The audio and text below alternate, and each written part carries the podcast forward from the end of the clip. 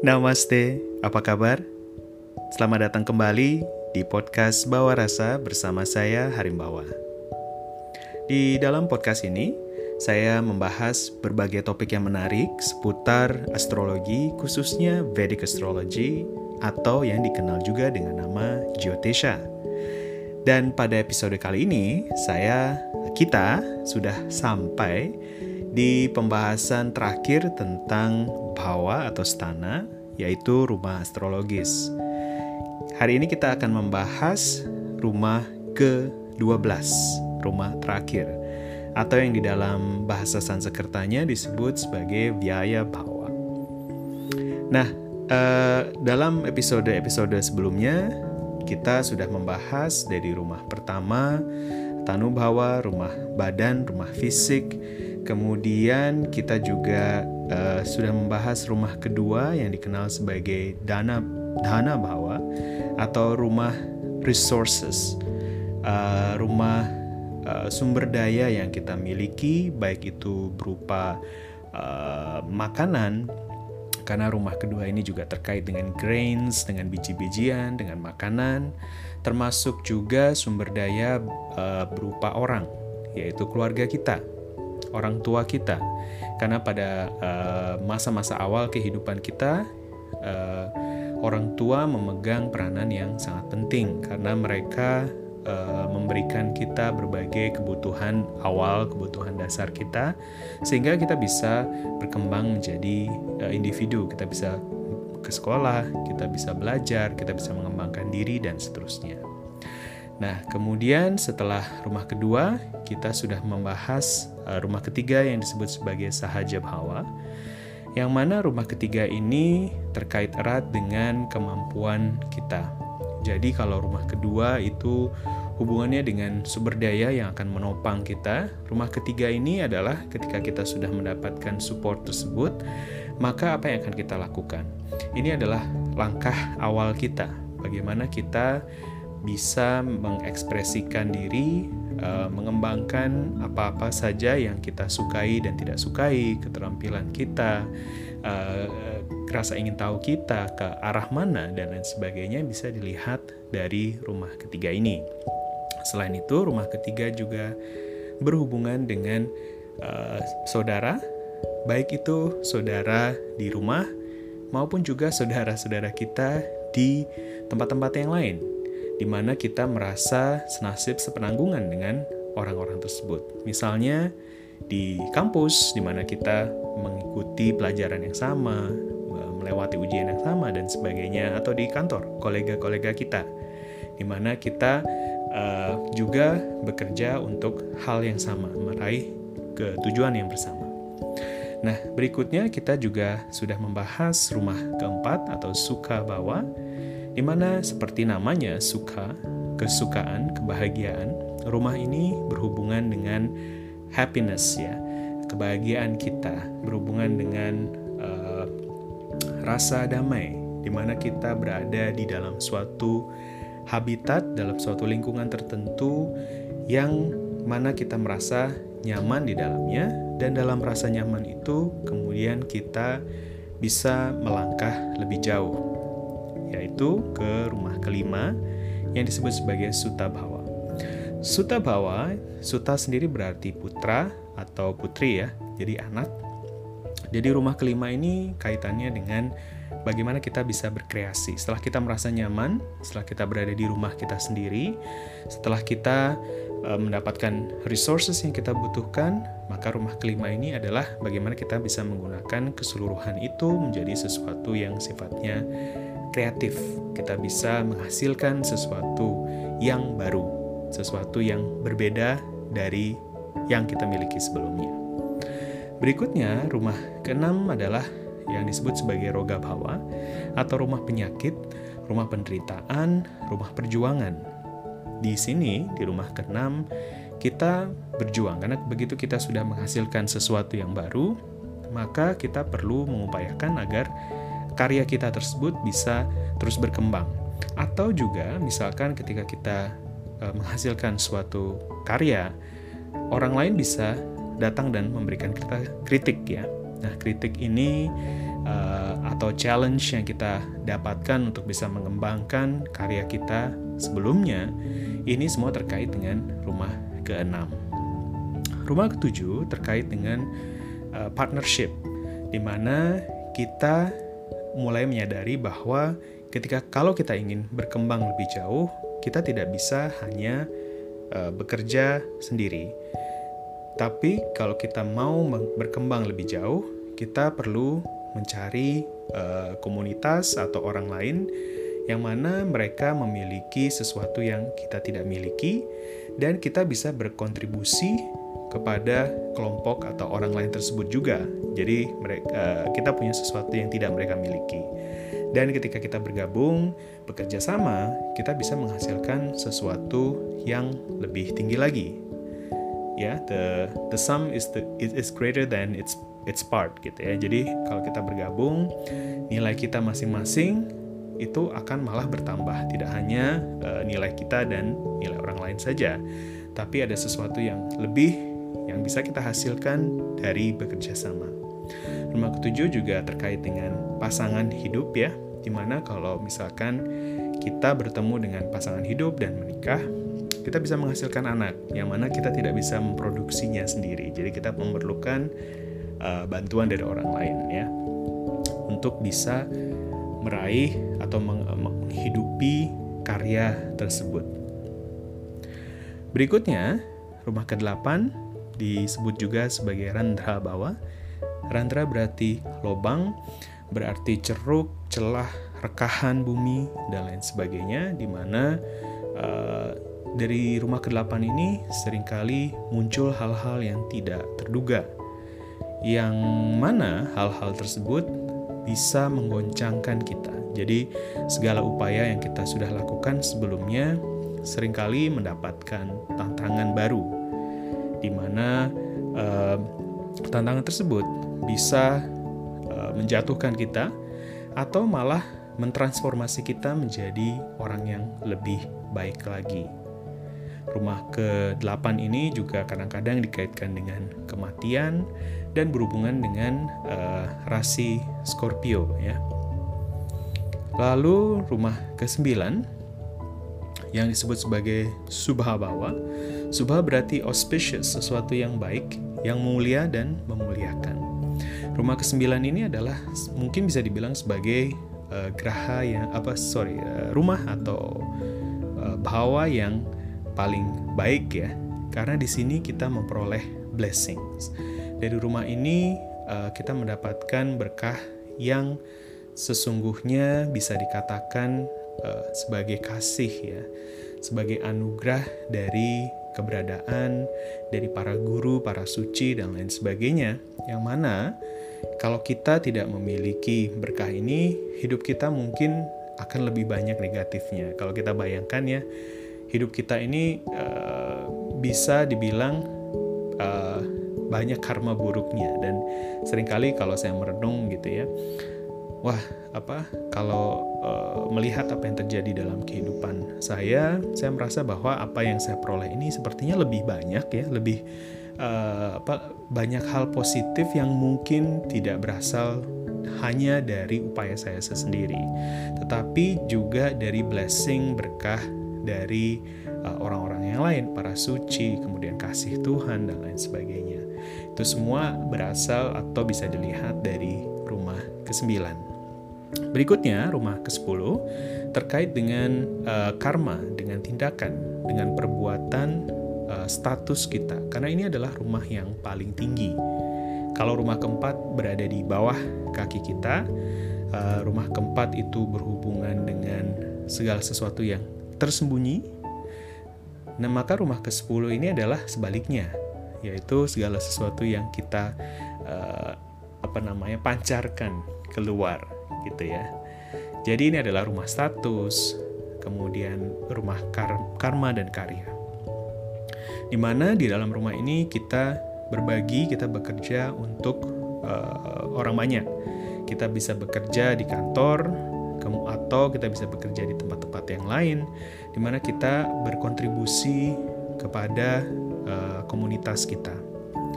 Dan rumah ke-11 yang kita bahas minggu lalu atau yang disebut sebagai laba bawa terkait dengan hal-hal yang kita peroleh dari kerja kita, dari uh, status kita.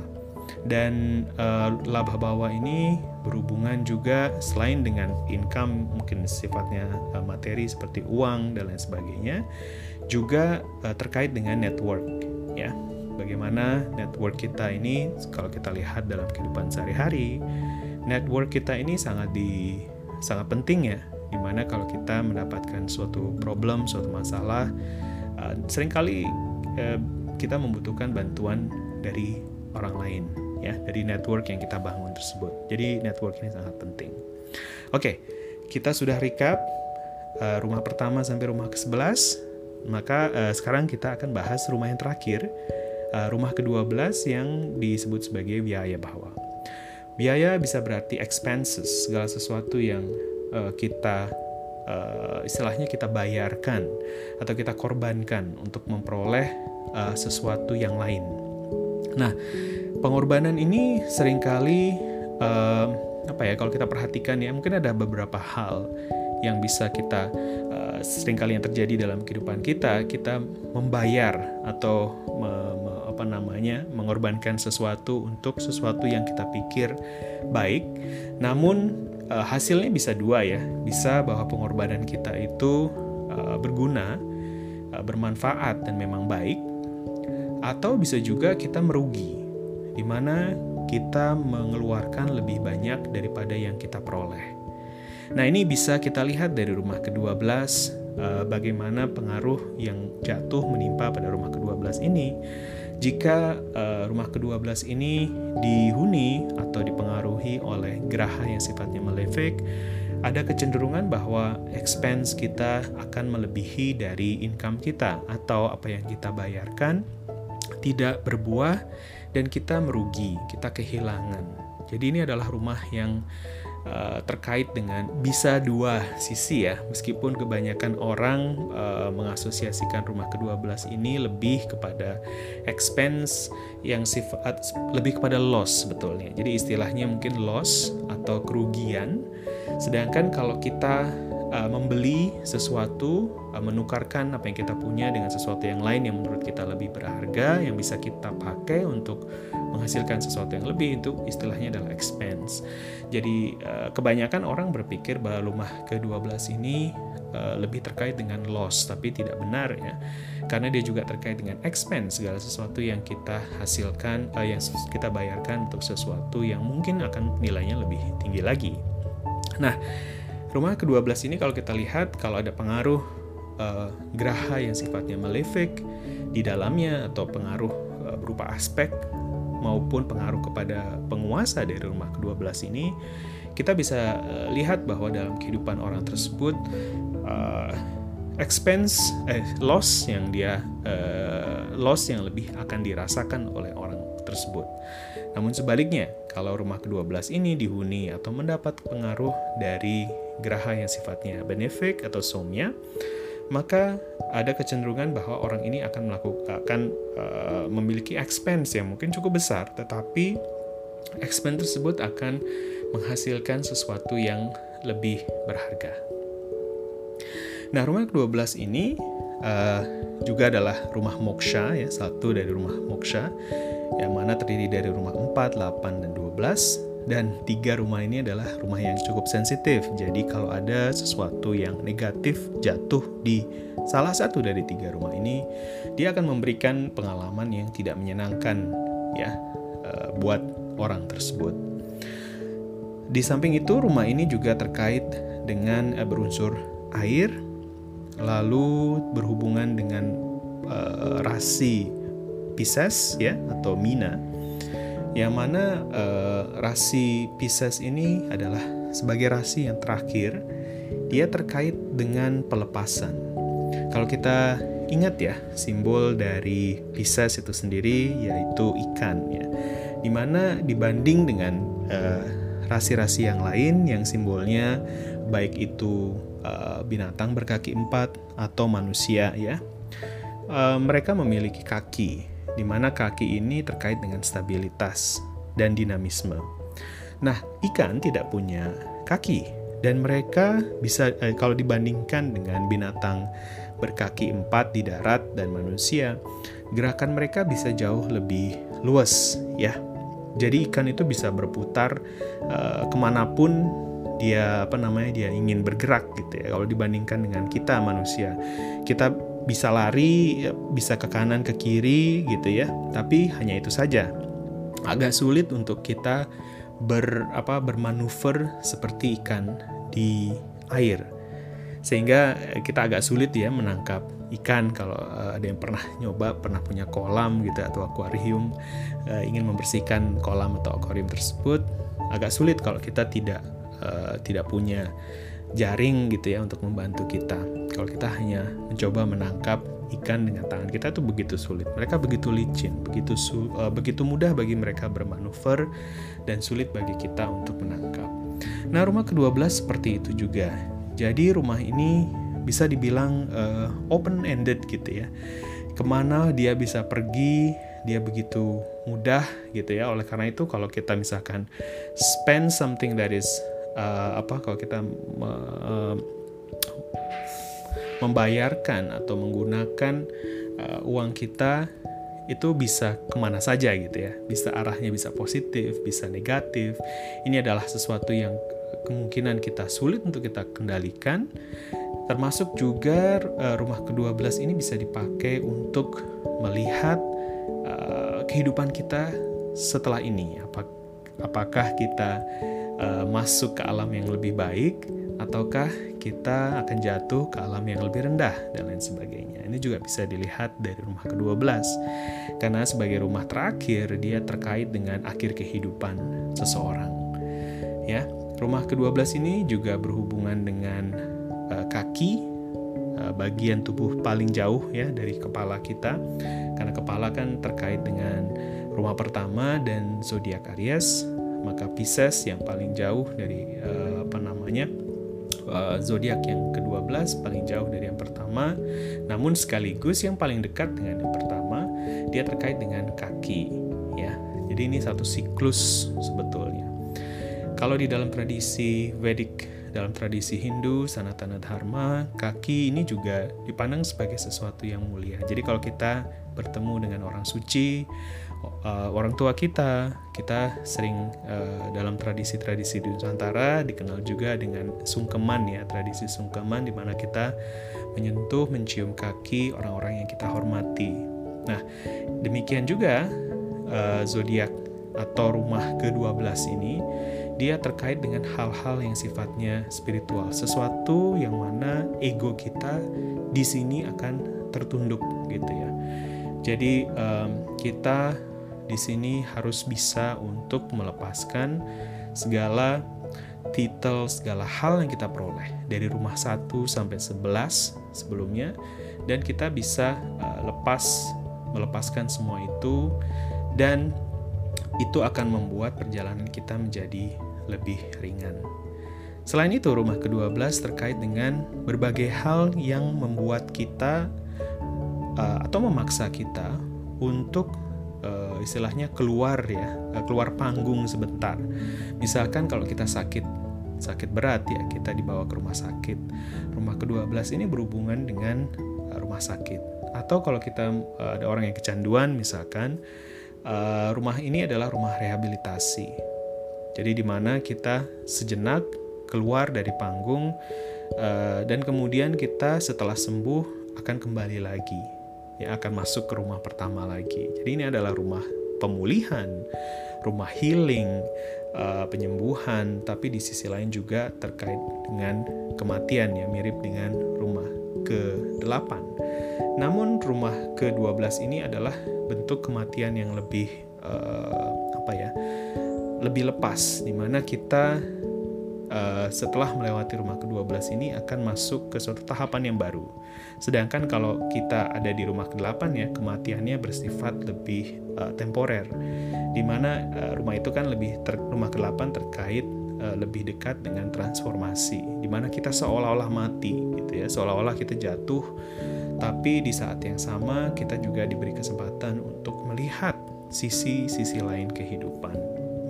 Nah, sekian dulu pembahasan kita tentang tentang ke-12 bawa atau stana, tapi jangan khawatir, saya akan kembali lagi minggu depan dengan episode episode yang baru uh, yang akan membahas berbagai tema topik yang menarik seputar Vedic Astrology.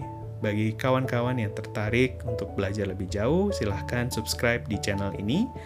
Dan juga bagi uh, kawan-kawan yang ingin uh, mengikuti sesi Vedic Counseling bersama saya, silahkan bisa mengontak saya melalui media sosial yang saya miliki, yaitu Twitter dan Instagram.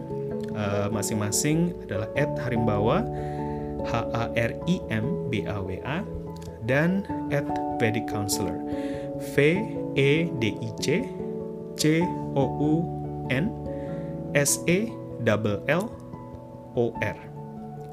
Silahkan bisa kontak saya di situ dan sampai ketemu minggu depan.